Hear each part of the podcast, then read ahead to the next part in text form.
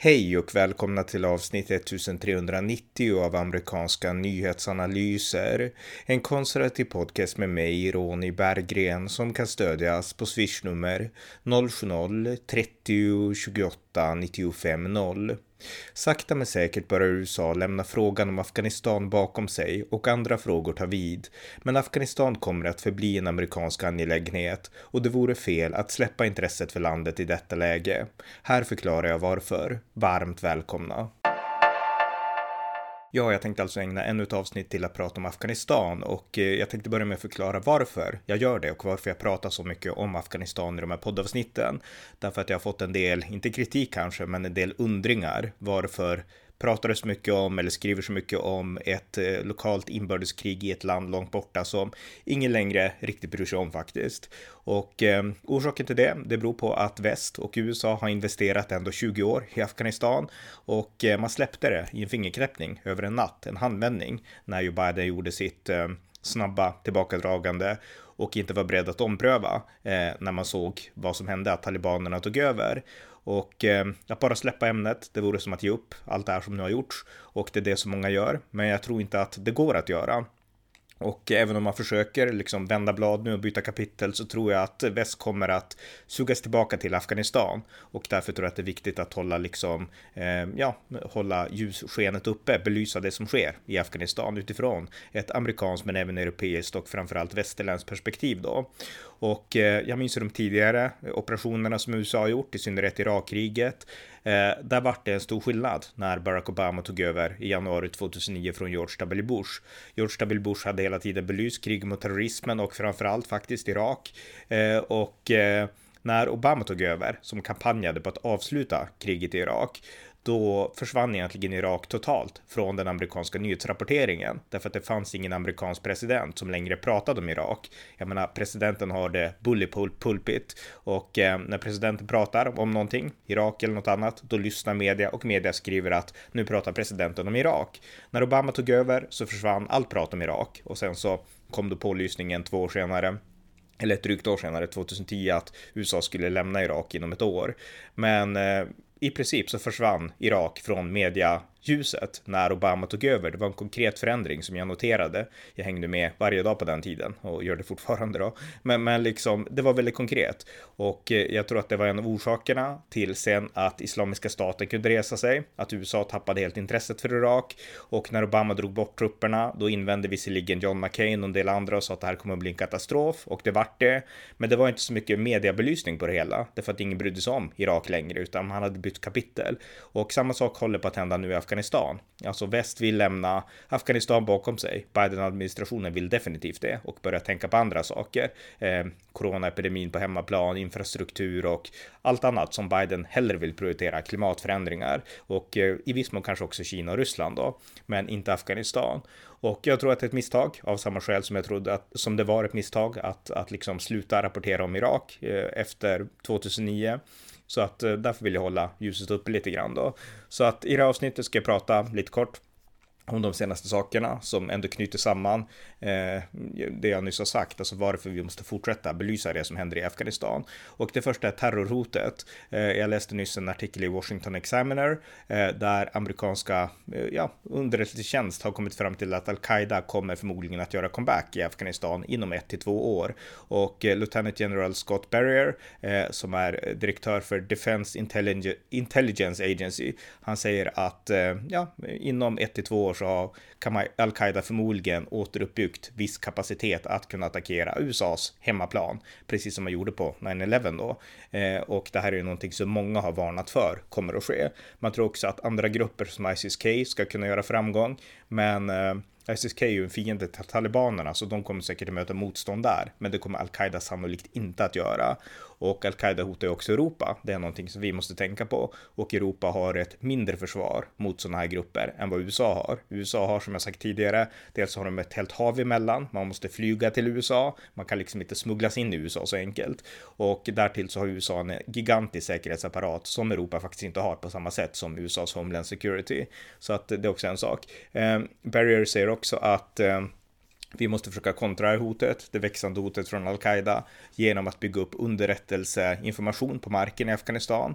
Och det här var ju någonting som USA hade bara för liksom några månader sedan, innan Biden övergav Bagram-basen och övergav egentligen allt som USA under 20 år hade byggt upp i Afghanistan. Så att nu måste man börja om från grunden igen med markarbete, underrättelser för att helt enkelt få nys om vad al-Qaida planerar. Och eh, Berger säger att, eh, eh, eh, ja, att eh, to be sure, eh, alltså vår nuvarande kapacitet i Afghanistan är inte vad den var för sex månader sedan eller ett år sedan. Så att han, han tillstår här alltså att eh, att vi, USA förlorar mycket av liksom den information och de möjligheter att, eh, att förstå hur terroristerna opererar i Afghanistan. Det har försvunnit nu när man övergav Afghanistan.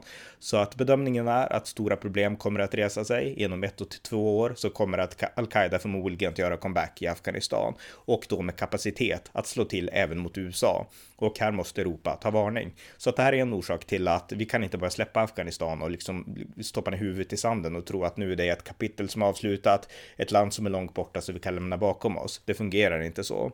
Och en ny opinionsundersökning av Kinnipack visar att eh, 6 av 10 amerikaner eh, tror att USA förmodligen måste gå in i Afghanistan igen eh, på grund av hotet från terrorism. Och bland republikanerna så anser 83 procent att så förmodligen är fallet mot 10 procent som inte gör det. Bland oberoende så anser 65 procent att så är fallet mot 25 procent som inte gör det. Och bland demokraterna anser 52 procent att så förmodligen är fallet mot 38 som inte gör det. Och eh, Orsaken till att man tror att, att, att det förmodligen kommer att bli nödvändigt, det beror på terrorismen helt enkelt. Man tror att Afghanistan kommer förmodligen att bli precis som det var innan 9-11-attacken och fram tills USA invaderade i oktober 2001. En safe haven, alltså ett, ett skyddsland för terrorism.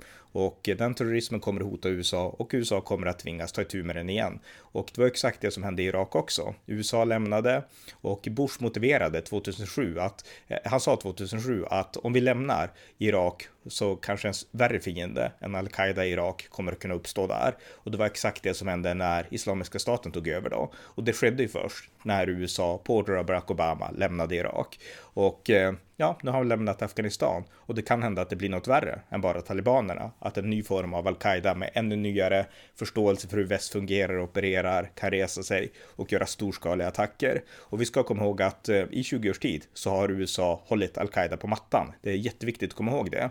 Och al-Qaida skiljer sig från Islamiska staten och andra. Islamiska staten bedrev ju också terror i Europa, men det var oftast Lone Wolf-terrorister som gick ut med någon kniv på stan och liksom bekände lojalitet, personlig lojalitet till Islamiska staten. Sen så utförde man någon form av jihad, ett personligt jihad, inte ett jihad på order av en kalif eller ett jihad på order av liksom en emir eller liknande.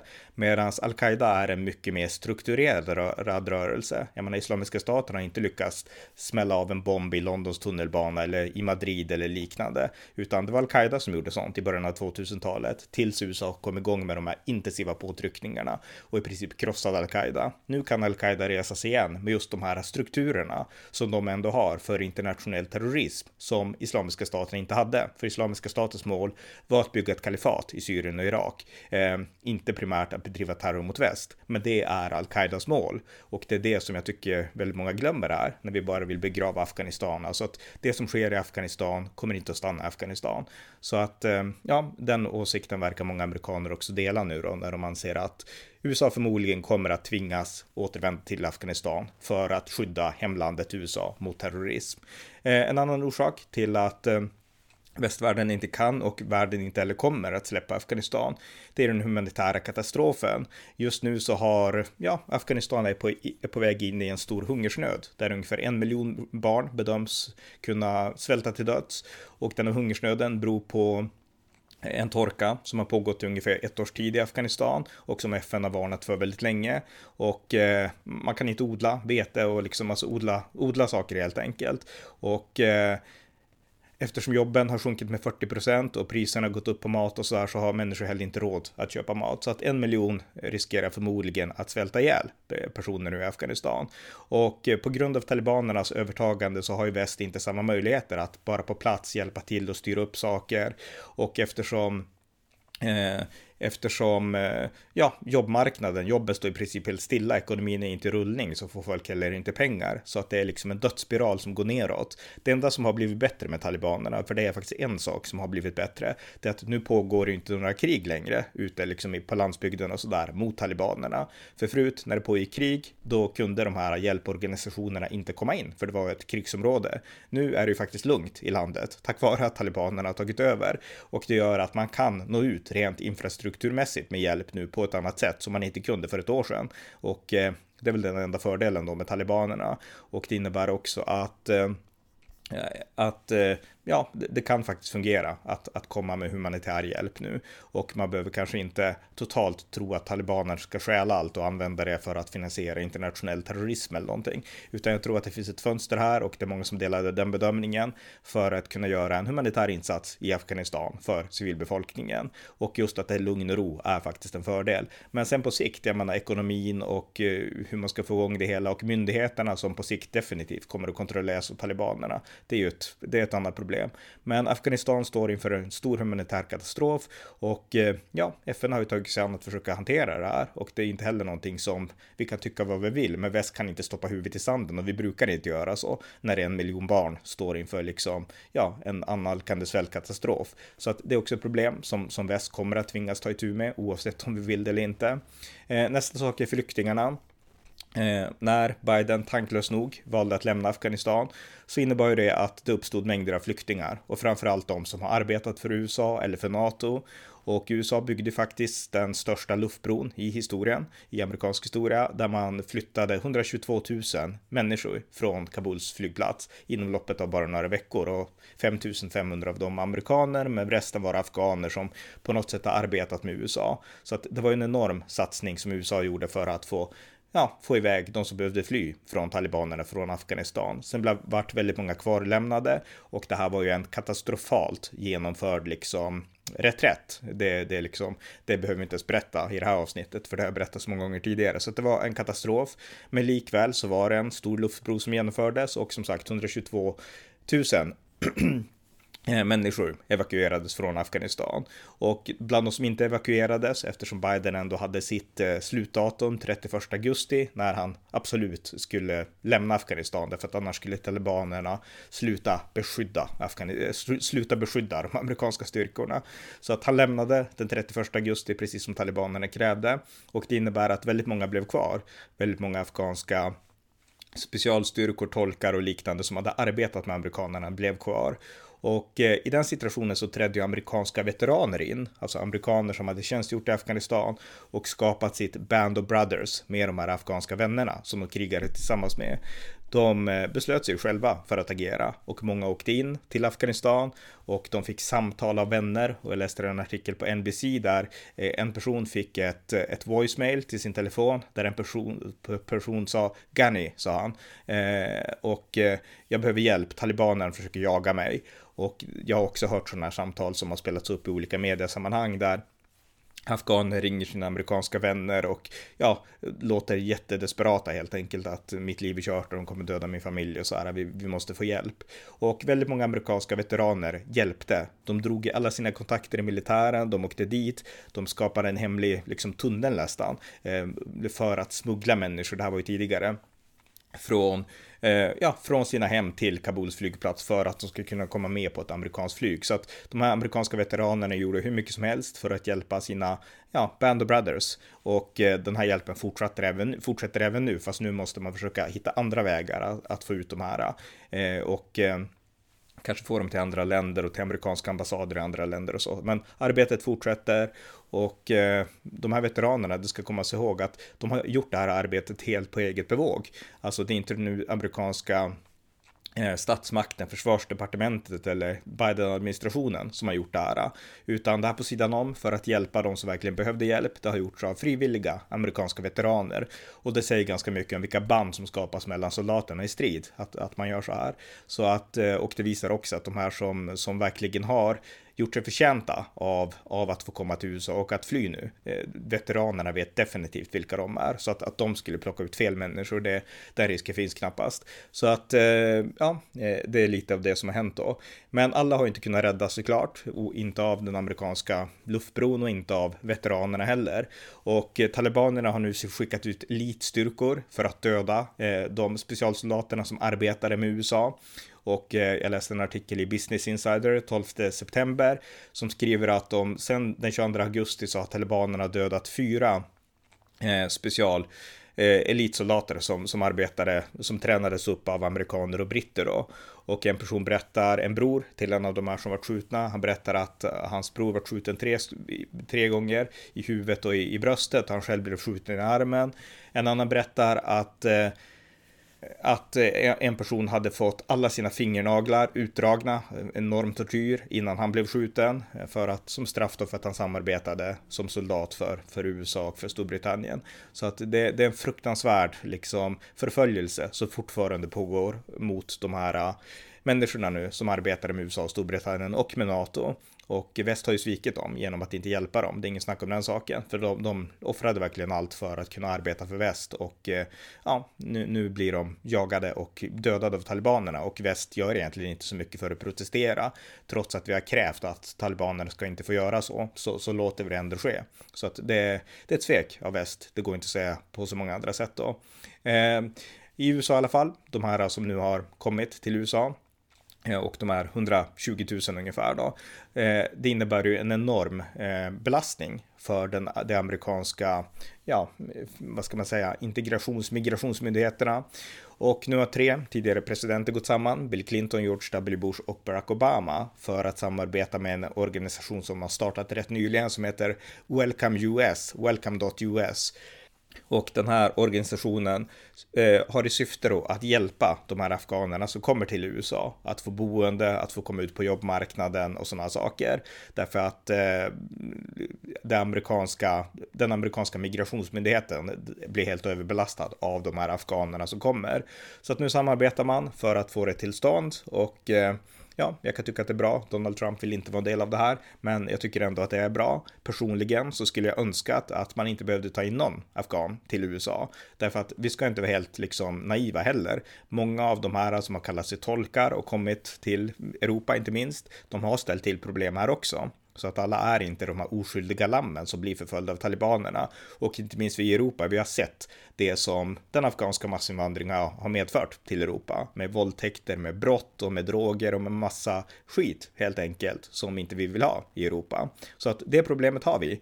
Och det bästa hade varit om vi hade säkrat Afghanistan och kunna hjälpa folket att där på plats lyfta sig själva ur sina egna problem. Men Joe Biden och NATO valde att backa och det här är konsekvensen av det. Att vi nu har en ny massinvandring till väst. Och eh, USA har nu tagit hand om, ja, de kommer att ta hand om 120 000 afghaner ungefär och de behöver hjälp klart att komma ut i samhället och många av dem förtjänar också, speciellt de här som verkligen har arbetat nära USA. Så att jag tycker att det här är ett bra initiativ. Men det här visar också att USA blir inte mindre knutet till Afghanistan utan snarare mer. För de här kommer ju fortsätta lobba för sina vänner i Afghanistan och USA kommer inte kunna släppa liksom det som händer i Afghanistan. Det är ett faktum. Och eh, Joe Biden gjorde helt fel. Han borde ha fortsatt satsa på Afghanistan för att hjälpa på plats istället för att liksom ta in människorna till en bråkdel av de som behöver hjälp till USA. Så att eh, ett misstag av Biden såklart. Men man måste arbeta utifrån den situation man är i och det är just den här då. Eh, Europa då, jag sa ju att eh, al-Qaida hotar också Europa och massinvandring kommer också att förmodligen börja i viss mån till Europa också eh, i, förhåll i förhållande till afghaner och, och NATO var ju en del av insatsen och inte bara NATO-länder utan även ISAF-styrkorna och sådär. Så att med Sverige. Så att eh, Europa har ett stort ansvar också för Afghanistan. Och jag har pratat mycket i de tidigare avsnitten om fighten i, i Panjshir, eh, rebellrörelsen där, led, ledd av Ahmad Massoud. Och eh, nu så strider ju de från bergen. De gör rebell liksom anfall mot talibanerna som har huvudgatan där i Panjshirdalen då. Och eh, ja, det är ju en stridig motvind just nu, tyvärr, på grund av att väst inte gav hjälp i ett tidigare skede. Men eh, röster har ändå börjat höjas nu till slut i Europa, men även i USA, men nu framförallt i Europa, för att ge stöd till Ashman Massoud. Och eh, så sent som i förrgår så pratade en EU-parlamentariker från, från Nederländerna, Bart Grotius, Bart Grotius eh, från Nederländernas Party for Freedom and Democracy, eh, VVD heter det partiet. Han pratade i EU-parlamentet och eh, påminde om att för 20 år sedan så hade man ju bjudit in Ashmad Masouds far, Ashmad Shah Massoud, och nu borde man bjuda in Ashmad Massoud Junior för att prata om hur EU ska kunna samarbeta med honom som ändå är en vän till demokrati och vän till väst för att hjälpa Afghanistan här och nu. Här, det klippet på en minut. Some 20 years ago, the great Ahmed Shah Massoud visited this house, the European Parliament, and he was warmly welcomed. Now, Commander Massoud led the heroic fight against both the communist occupation and later against the Taliban in search for a better future. And he would have fought the Taliban regime today if it wasn't for Osama bin Laden's henchmen who killed Massoud just two days before 9 11. But, dear colleagues, fortunately today, 20 years later, his son, Ahmed Massoud Jr., is leading the resistance against the Taliban regime, fighting for a better future. Now let us again invite Ahmed Shah Massoud to this house. Welcome him like we welcomed him 20 years ago and work together with him on that better future in Afghanistan. Thank you. Så det var ett klipp av Bart Grotius i EU-parlamentet och som ville bjuda in Ashman Massoud till, till EU-parlamentet. Och det är någonting som jag tycker är väldigt bra och jag tycker att det bör göras. Därför att väst måste fortsätta eh, göra allt för att hjälpa de demokratiska krafterna som ändå finns i Afghanistan och inte låta 20 års arbete och enorma investeringar bara totalt gå till spillo under talibanernas terrorstyre. Så att Afghanistan är en fortsatt amerikansk och europeisk angelägenhet eh, av de här orsakerna egentligen. Så att det var bara det som jag ville förmedla i det här poddavsnittet. Det var avsnitt 1390 av amerikanska nyhetsanalyser. En konservativ podcast om amerikansk och internationell politik som kan stödjas på swishnummer 070-30 28 95 0 eller genom att via hemsidan stödja på Paypal, Patreon eller bankkonto. Det var allt för den här gången. Tack för att ni har lyssnat.